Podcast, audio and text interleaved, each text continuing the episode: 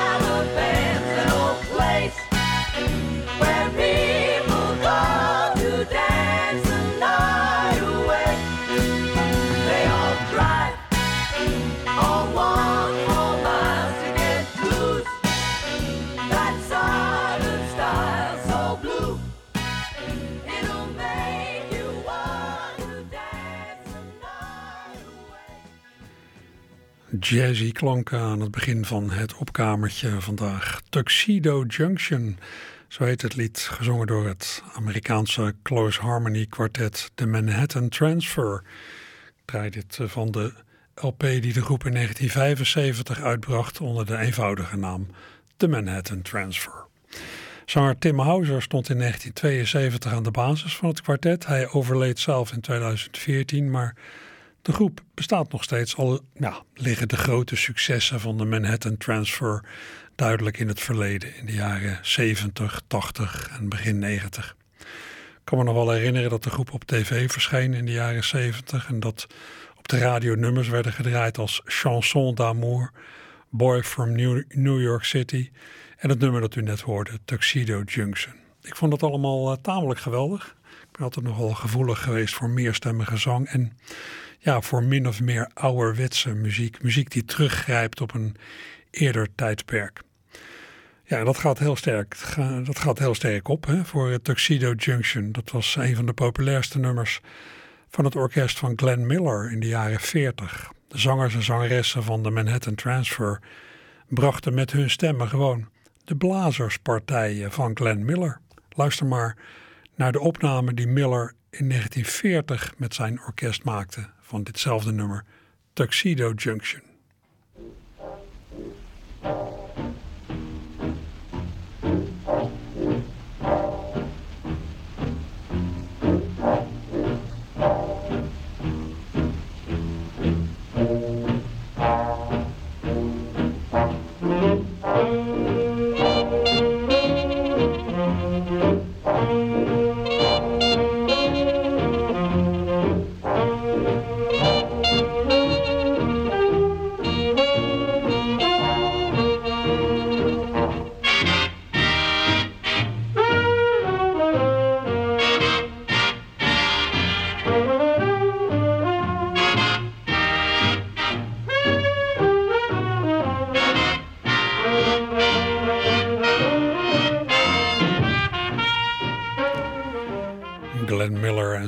In 1940 met Tuxedo Junction. Fijn nummer. En in deze uitvoering is het nummer vooral bekend geworden. Maar de uitvoering door het orkest van Glenn Miller was niet de eerste. De eerste werd een jaar eerder gemaakt, in 1939. Toen werd het nummer voor het eerst opgenomen. En wel door het orkest van Erskine Hawkins, die het nummer ook componeerde. Samen met Bill Johnson en Julian Dash. Ook van die eerste opname een stukje.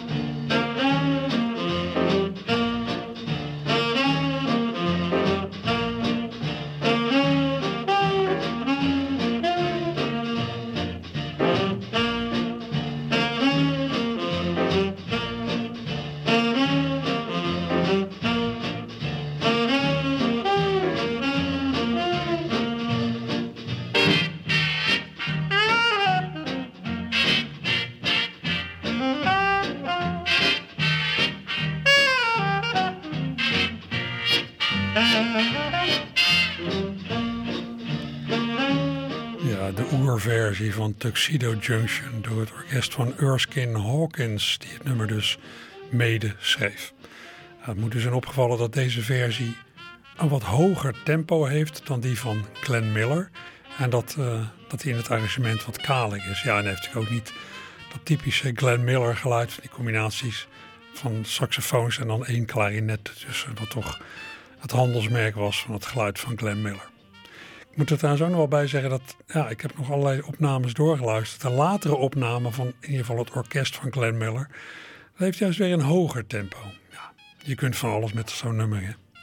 Je kunt het dus ook zingen, zoals u net hoorde bij de Manhattan Transfer.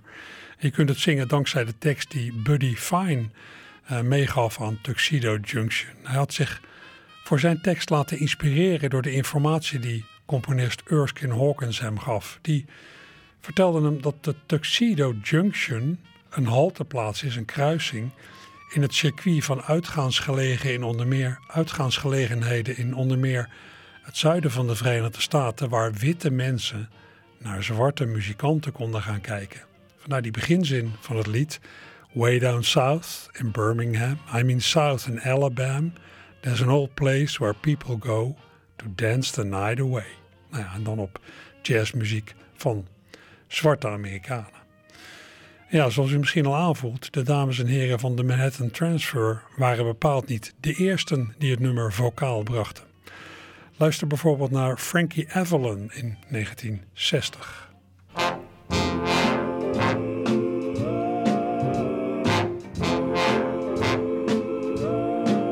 Way down south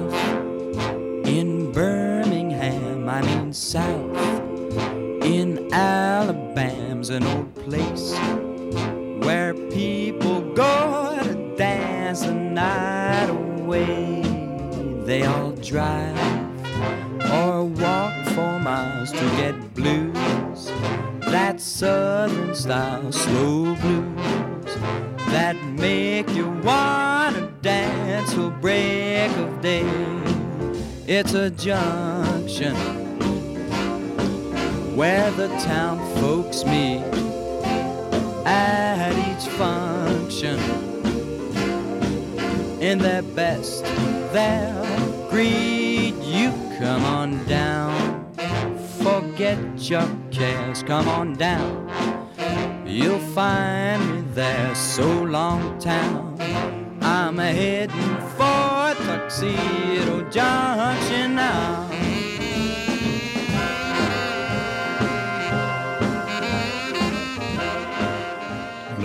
een indruk, hè? Frankie Avalon in 1960 met een nummer dat toen al vrij oud was. Hij leunde hiermee feitelijk meer op het verleden dan op de toekomst. Misschien niet zoveel als de Manhattan Transfer, nog weer 15 jaar later, maar toch. Het is een verschijnsel van alle tijden, lijkt me, dat je zangers en muzikanten hebt die proberen in allerlei opzichten nieuwe paden in te slaan en tegelijkertijd lui die graag teruggrijpen op iets uit het verleden. Dus misschien net zoiets als met uh, woningbouw. Je hebt futuristische bouw, lui die ja, uh, architecten die echt proberen grenzen te verleggen, nieuwe dingen te verzinnen. En je hebt het zogeheten historiserende bouwen. Bouwen in een stijl van alweer even geleden. Bijvoorbeeld de jaren 30.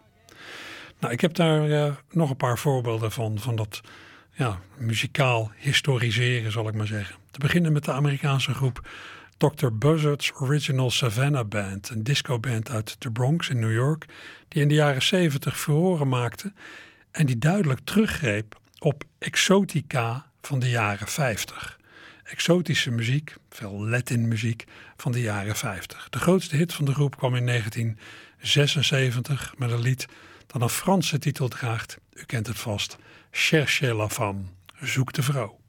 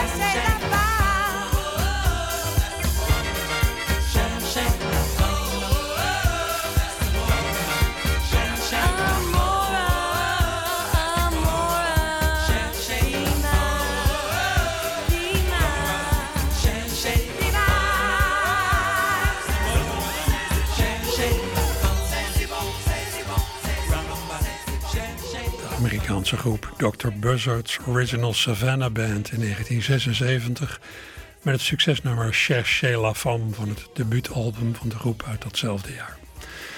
Ja, Nederland heeft ook de opmars eh, gezien van een retro-zangeres, Caro Emerald. In 2010 was ze er opeens met nieuw geschreven liedjes die ook weer heel sterk de sfeer van de jaren 50 ademden, al waren ze dan voorzien van een modern aandoende beat. De schrijvers achter de Amsterdamse zangeres Caro Emerald, eigenlijk Carolien van der Leeuw, hadden zich laten inspireren door films uit de jaren 50, waar de titel van die debuutplaat van Caro in 2010 ook naar verwees: Deleted Scenes from the Cutting Room Floor.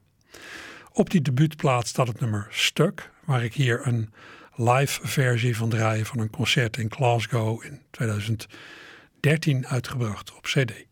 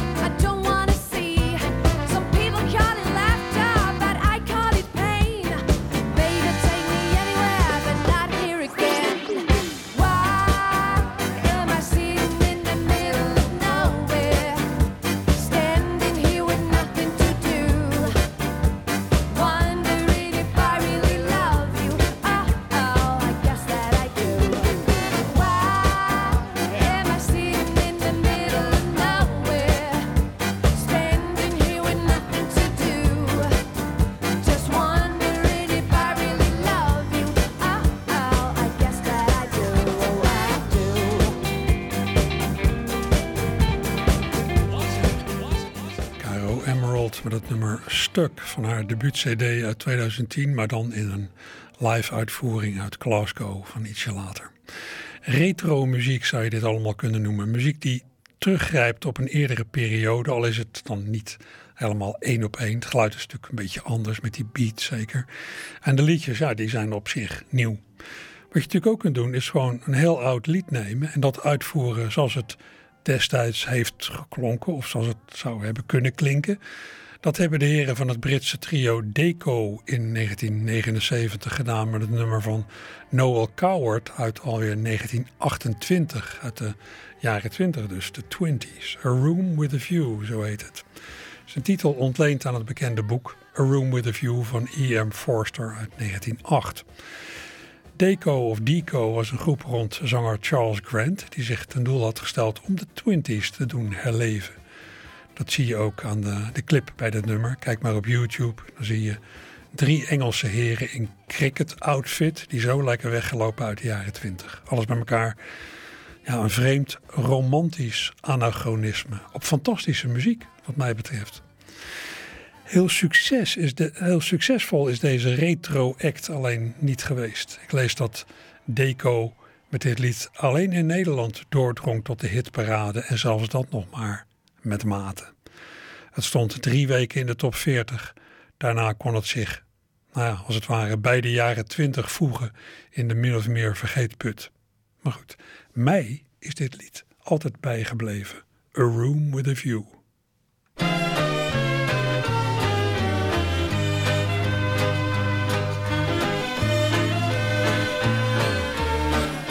Cherishing through the perishing winter nights and days a funny little phrase that means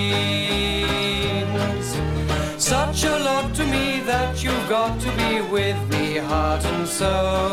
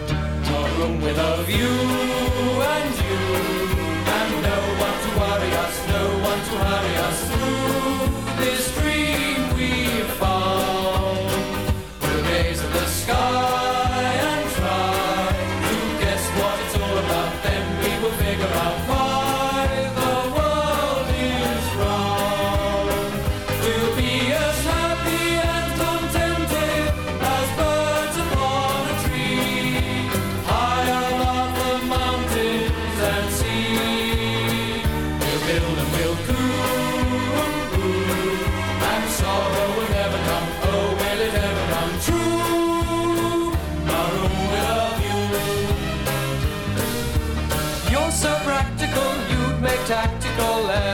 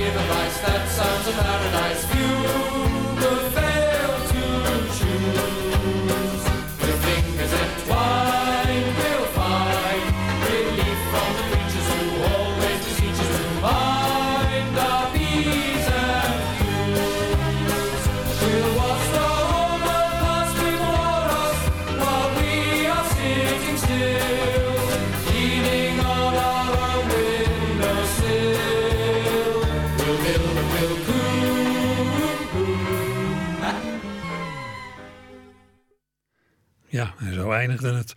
Een enorm Brits werkje en dat dus alleen in Nederland een bescheiden hitje is geweest in 1979. We hoorden de groep Deco, Deco met het lied A Room with a View, zoals gezegd een nummer van Noel Coward uit 1928. Ik denk wel dat er iets meer bas, iets meer beat in zat dan eh, in de jaren 20 gebruikelijk was, maar het klonk toch heel oud. Ja, tot zover dit eh, retro begin van het opkamertje. Met als eerste nummer dus iets van de Manhattan Transfer. Nou ja, van de week heb ik allemaal eh, novelty-achtige singeltjes van lang geleden zitten doorluisteren. En daarbij stuitte ik op iets dat me ook enorm deed denken aan een opname van de Manhattan Transfer. Ik kon hem niet in eerste instantie achterkomen wat het ook alweer was. Uiteindelijk heb ik het wel gevonden. Eerst maar eens even naar dat singeltje dat ik eh, toevallig luisterde. Pau Pau heet het nummer. Het wordt uitgevoerd door het orkest van een Manuel Ituria. Het singeltje komt uit 1968.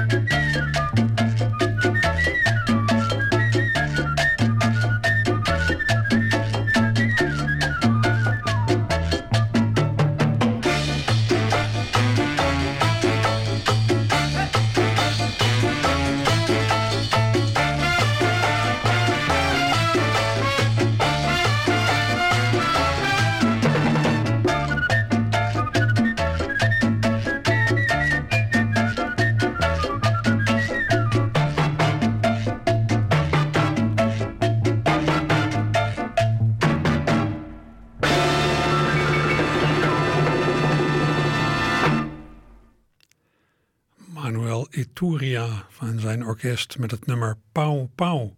Goeie tekst. Ja, waar die Manuel Ituria vandaan komt is me niet helemaal duidelijk. Het zou kunnen gaan om Mexicaan, maar ik zie ook aanwijzingen dat hij Frans is of was. Op het singeltje uit 1968 waarvan ik dit draai staat in elk geval als componist van dit werkje vermeld R. Monchito. Ramon Monchito, pseudoniem van Ramon Navedo.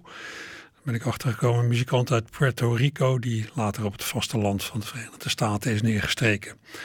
Aanstekelijk werkje, maar toen ik het beluisterde dacht ik, ja maar dit ken ik toch. Dat Pauw en Pauw zit toch ook in een nummer van de Manhattan Transfer. Na enig zoeken vond ik het zit in een nummer dat bij de Manhattan Transfer niet Pauw Pauw heet, maar Quenta Me, met als ondertitel The Speak Up Mambo. Luister maar.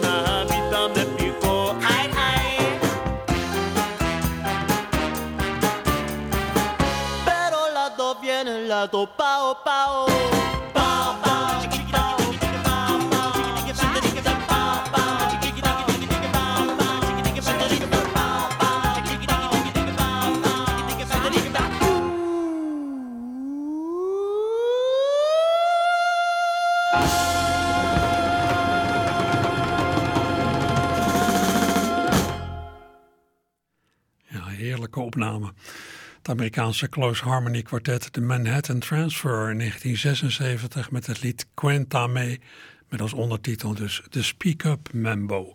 Met daarin dat Pauw Pauw stuk dat u net hoorde van een singeltje uit 1968, van eerder dus. Ik heb meteen ook even opgezicht wanneer dat, opgezocht wanneer dat Pauw Pauw voor het eerst op de plaat is gezet. Als ik het goed heb, was dat in 1956 door de componist ervan zelf, de genoemde Monchito.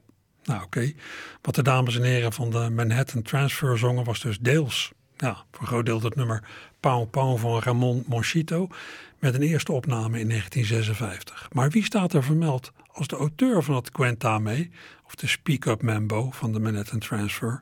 Niet Ramon Monchito, maar de Cubaanse bandleider en componist Al Castellanos. Opmerkelijk. En die heeft dat Quentame, zijn compositie, al in 1954, dus twee jaar voordat Pauw Pauw opgenomen. Nou, eens luisteren of daar dat Pauw Pauw dan ook wel in zat. Want ja, dat die lui van eh, de Manette Transfer dat zingen, dat zegt niet alles. Die kunnen natuurlijk gewoon van een paar nummers iets typerends op één hoop hebben gegooid en dat uitvoeren. Dat kan natuurlijk altijd makkelijk. Oké, we gaan naar eh, uh, Quenta mee. Eh, uitgevoerd door Al Castellanos, die het ook zelf heeft geschreven. Opname uit 19... 54.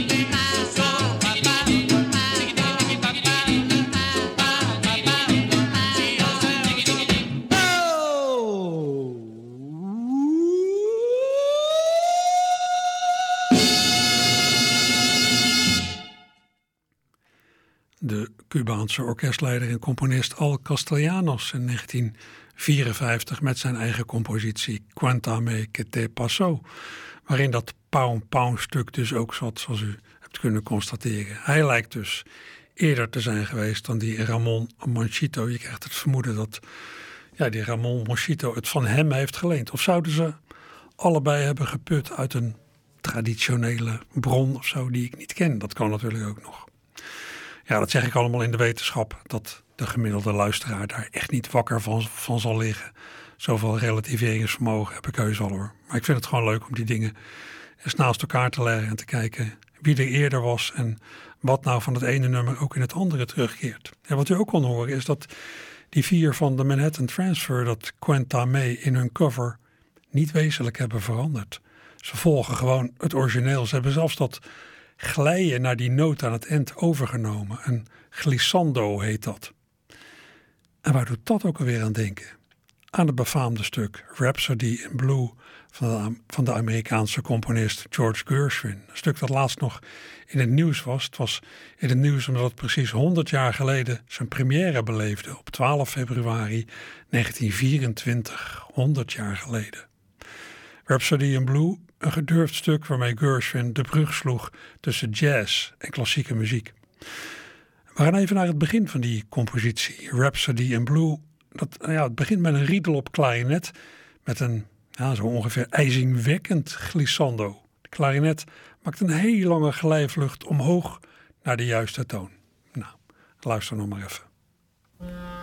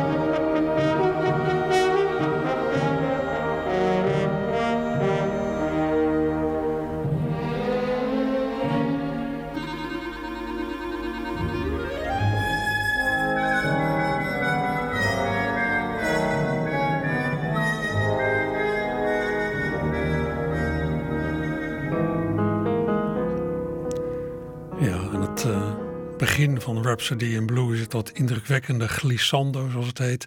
En na een halve minuut zit er nog eentje iets kleiner. Alleen dat al maakt die Rhapsody in Blue van George Gershwin zeer herkenbaar.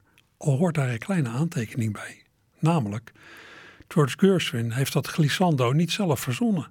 Dat ontstond tijdens een repetitie waarbij de virtuoze klarinetist Ross Gorman dit voor de grap speelde. Het werd meteen toegevoegd aan de compositie en si- sindsdien hoort het erbij. We hoorden het hier trouwens in een uitvoering van het Columbia Symphony Orchestra onder leiding van Leonard Bernstein. Ja, op een klarinet is ook muzikaal stuntwerk mogelijk. Hè? Dat glijden naar zijn toon. Op nogal wat andere instrumenten kom je in de problemen. Hoe glij je bijvoorbeeld op een piano van de ene naar de andere toon? Ja, je zit vast aan die toetsen. Er zit niks tussen. Luister naar de oplossing van George Gershwin zelf. Hij speelt hier zelf op piano het begin van zijn Rhapsody in Blue.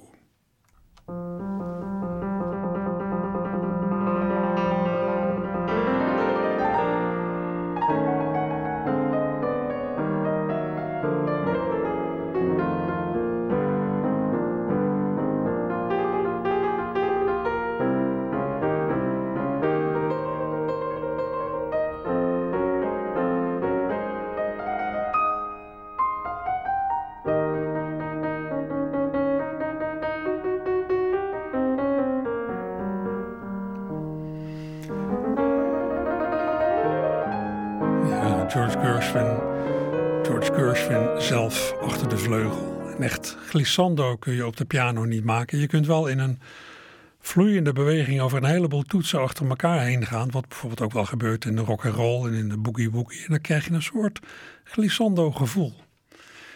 En op een saxofoon? Saxofoon en klarinet lijken nogal op elkaar. De vingerzetting is hetzelfde, maar ik ben geen saxofoonversie van Rhapsody in Blue tegengekomen in de voorbereiding van dit programma met, met net zo'n glijder aan het begin als bij die versies met klarinet. Dus ik neem aan dat het op sax lastiger is. Misschien omdat het ding groter is en je er heel veel lucht voor nodig hebt. Ik weet het niet precies. Nou, luister even naar een opname van Rhapsody in Blue door het orkest van Duke Ellington met de saxofoon in de rol van de klarinet.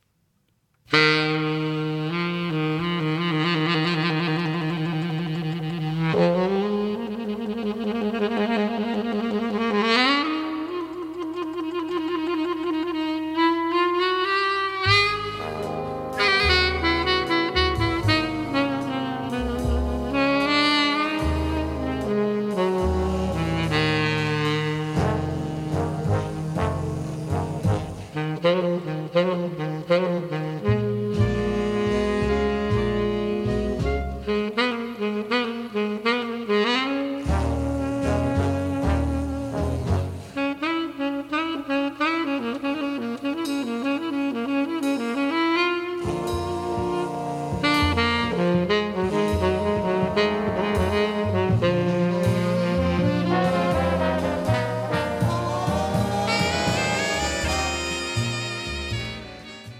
van Duke Ellington met Rhapsody in Blue met de klarinetpartij gespeeld op saxofoon en dus een ja, aanzienlijk minder indrukwekkende glijder.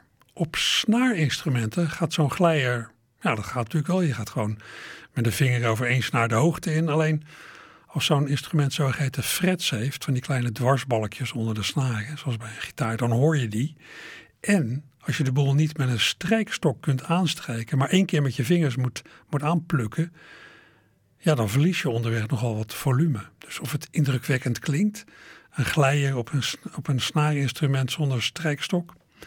En wat doe je als je een snaarinstrument met frets bespeelt en ook nog eens ja, met een vrij beperkte uitklank? Instrument dat vooral geschikt is voor tokkelen, zoals een banjo. Luister naar de Amerikaanse banjo-virtuoos Bela Fleck.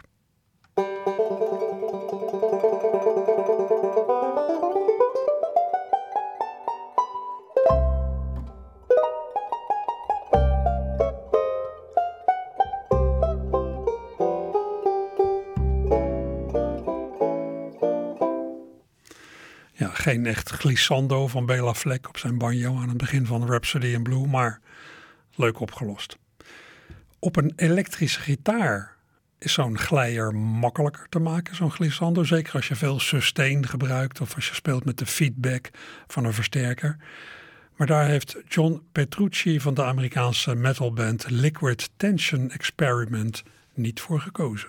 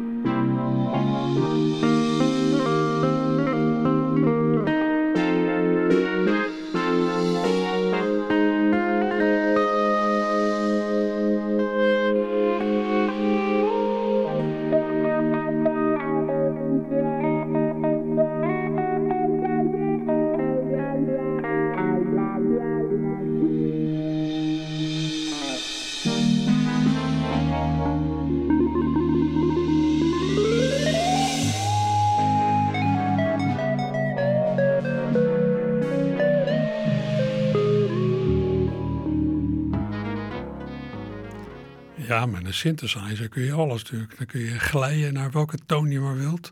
Heen en terug. En dat, eh, ja, dat eh, beschouw ik bijna als vals spelen. Maar gitarist John Petrucci van de Amerikaanse metalband Liquid Tension Experiment deed het daarnet ja, anders aan het begin van Rhapsody in Blue. Wel mooi opgelost. Ja, en hoe kenmerkend dat glissando ook is voor die iconische compositie van George Gershwin. Uniek is hij natuurlijk niet. Hè? Je hoort dat glijden wel vaker in zigeunermuziek en in klezmer, Joodse muziek uit Oost-Europa.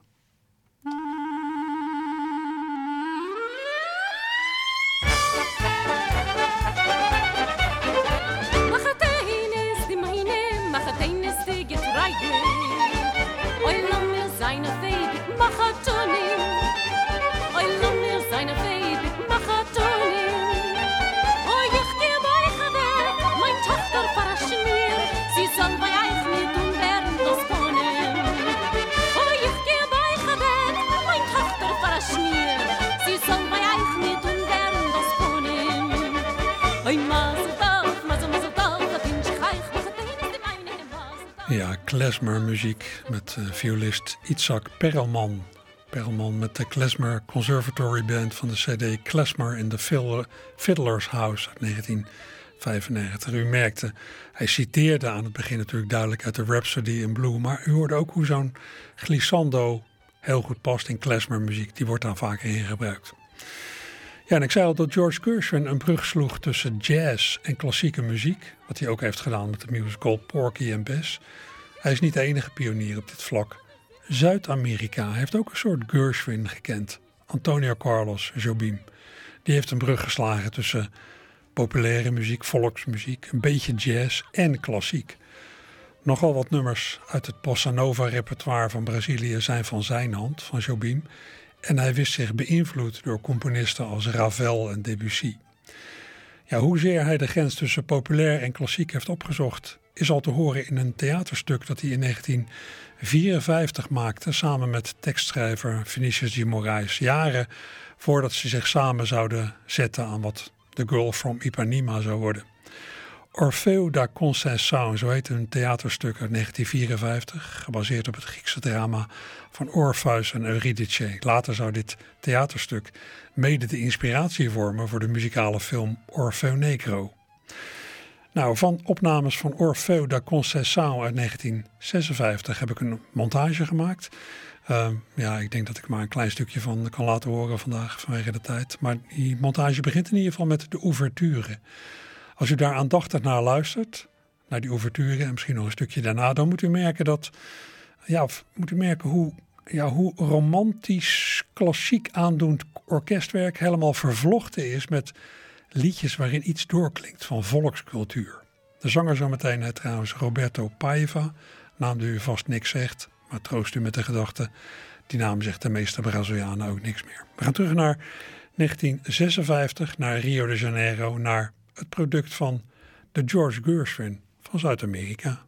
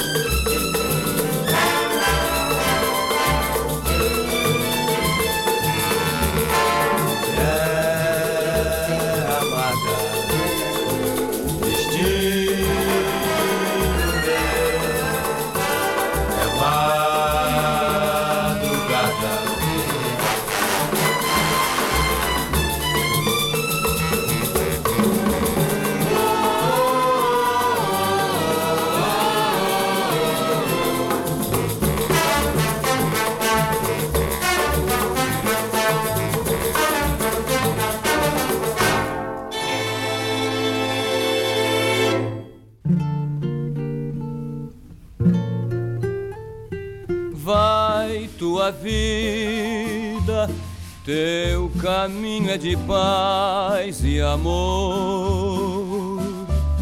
A tua vida é uma linda canção de amor. Abre os teus braços e canta a última esperança, a esperança divina de amar. Ja, het voelt bijna als heiligschennis om hier eh, af te breken. Klank uit het eh, theaterstuk Orfeo da Conceição uit 1956 met muziek van Antonio Carlos Jobim en tekst van Vinicius de Moraes. Een mengeling tussen ja, klassieke klanken en volksmuziek. Eh, een soort vergelijkbare brug eh, heeft Jobim geslagen in Zuid-Amerika als Gershwin in Noord-Amerika heeft gedaan.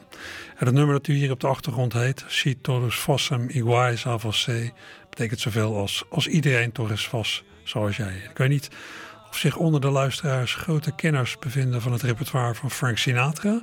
Maar Sinatra heeft dit lied ook ooit opgenomen in het Engels. En dan heet het Someone to Light Up My Life. Ik zal die Portugese versie, Portugees-Braziliaanse versie, nog wel eens een keer helemaal draaien als ik meer tijd heb. Eh, Ik moet nu eh, ernstig gaan afronden met het opkamertje. Want eh, collega's van de sport die staan al te trappelen van ongeduld om u alles te vertellen over wedstrijden van Excelsior en van Feyenoord. Ehm, ik zou zeggen, maak iets van uw dag en veel plezier ook bij de sport straks. Joep.